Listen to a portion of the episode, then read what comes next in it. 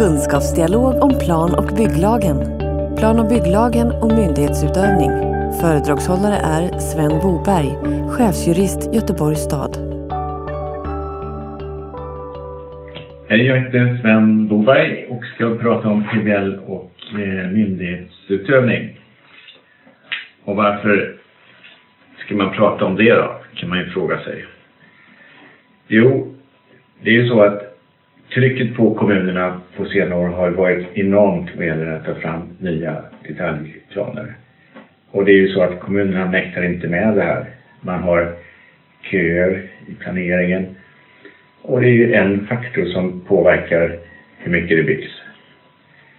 Eh, det finns idéer att på samma sätt som i Norge låta exploatörerna ta större del av planarbetet. Eh, det finns sådana förslag också i Sverige. Översiktsplanutredningen tittar ju också på privat initiativrätt eh, och kommer ta upp den frågan i ett tänkande senare i år. Så frågan är aktuell vad en exploatör kan göra i ett planarbete.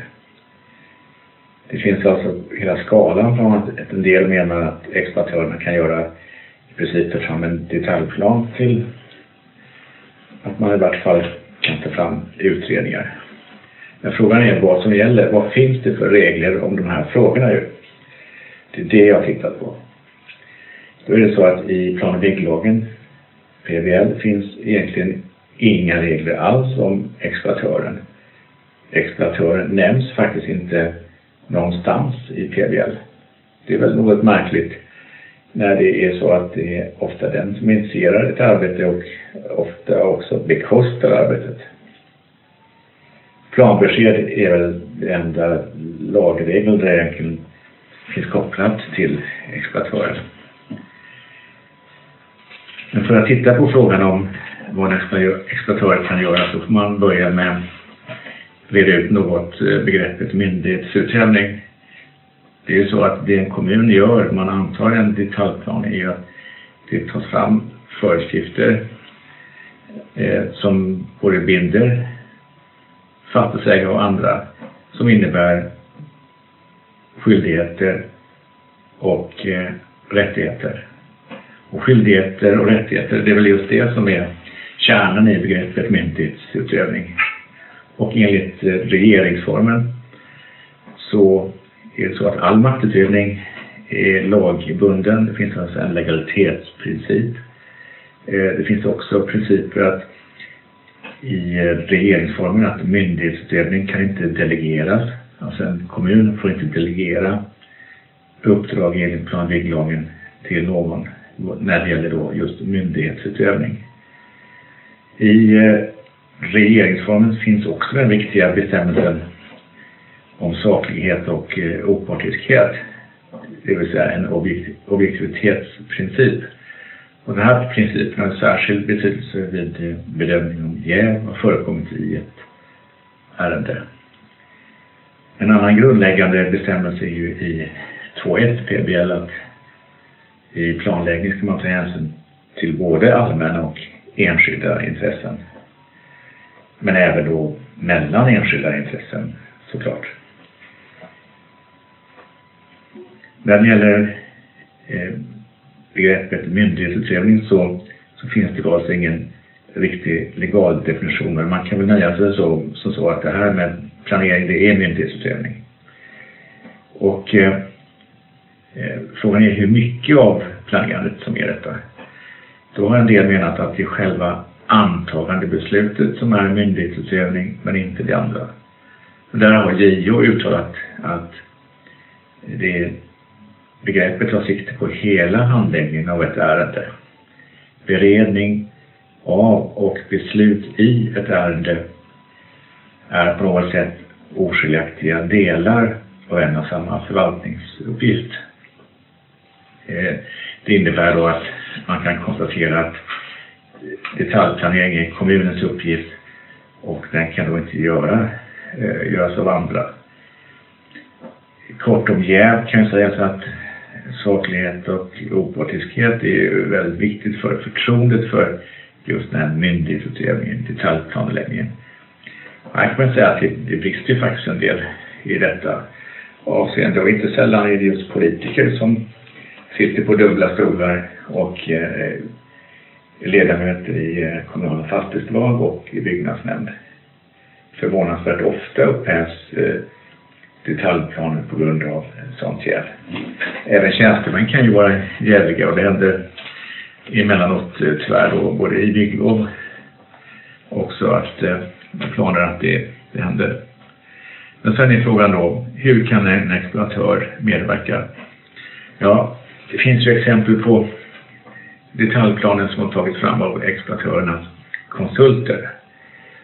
Och eh, förvånansvärt många och dessa har också då lett till, till upphävande.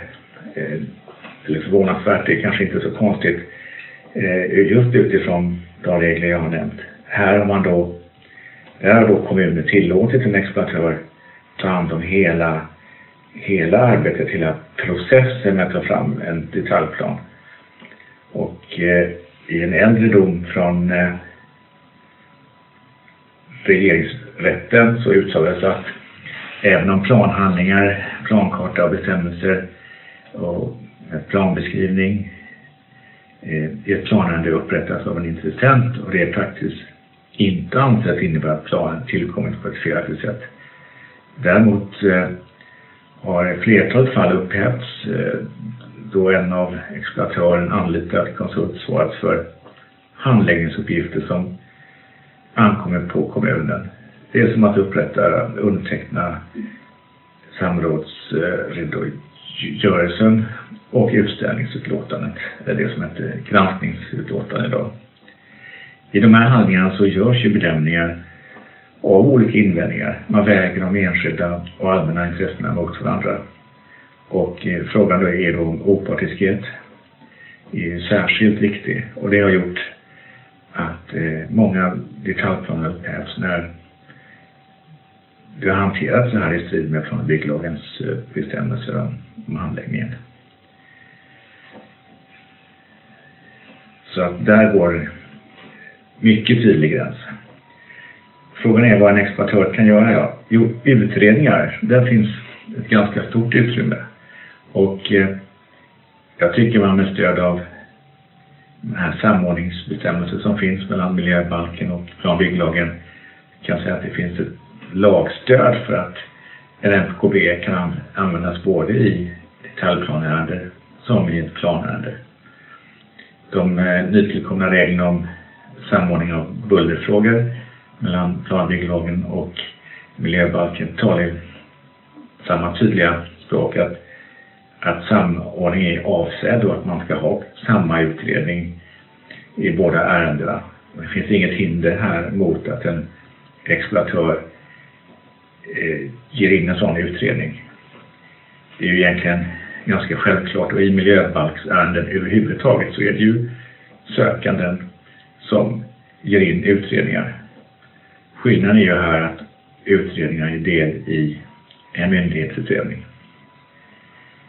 När det gäller utredningar från en exploatör så måste man ju då vara tydlig med att det är kommunen som bestämmer vilka utredningar som behövs och vilka frågeställningar som ska ställas i, i de utredningar som man kräver. Och sen gäller det att verifiera att det finns svar på de frågor man har ställt så att kommunen kan acceptera utredningar som lämnas in. För det är ju så att finns inte, uppfylls inte kvalitetskraven så är det till sist ändå kommunen som ansvarar för de bedömningar som man gör utifrån utredningar. Gör man felaktiga geotekniska bedömningar och tillåter bebyggelse där det inte är lämpligt, då är det kommunen som ansvarar skadeståndsrättsligt, även om utredningen kommer från en exploatör det kanske är ganska eh, naturligt men det är viktigt att tänka på det. Eh, kommunen måste alltså eh, hantera hela planärendet, styra utredningarna, se till att de håller en sån kvalitet som krävs om de kommer från en extern. Eh, det är också så att om kommunen själv anlitar en eh, så att säga, egen konsult så det gäller det också att se till att kraven uppfylls av den. Och där kan det också vara viktigt att tänka på att man i avtalet med konsulten eh, avtalar om saklighet och opartiskhet så att inte konsultens företag jobbar åt exploatören också. Skapar en situation med ja, som riskerar att bli partisk på något sätt. Sammanfattningsvis tycker jag man kan säga så här då att eh, hela detaljplaneprocessen utgör myndighetsutövning. Eh, kommunen ansvarar för handläggningen och hur planärendet handläggs. Kommunen kan anlita konsult för detta arbete. Kommunen ska självfallet samverka med exploatören trots att regler inte finns om detta. Eh, en exploatör eller exploatörens konsult får inte vidta åtgärder som anses vara i myndighetsutövning och kan då inte handlägga ett planärende eh, och absolut inte göra bedömningar i olika skeden åt, åt kommunen.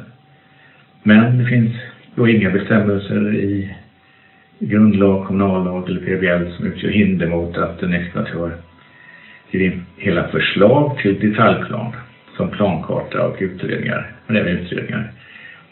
Men utredningarna måste bedömas av kommunen och uppfylla kraven på saklighet och opartiskhet.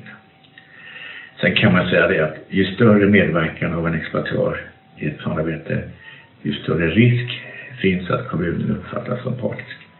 Här gäller det att se upp och hålla på rollerna. Och här kan tilläggas att ett kommunalt eh, bolag ska bedömas som alla andra externa parter. Det finns inga speciella regler för kommunala bolag utan här gäller att, att man skiljer på rollerna mellan myndigheten och eh, exploatören eh, som då är en extern. Och kommunen kan då bli skadeståndsskyldig man planlägger mark som visar sig ha brister och det gäller då även om underliggande utredning kommer från en exploatör. Hoppas att frågeställningen har klarlagts något. Tack för att ni har lyssnat. Hej!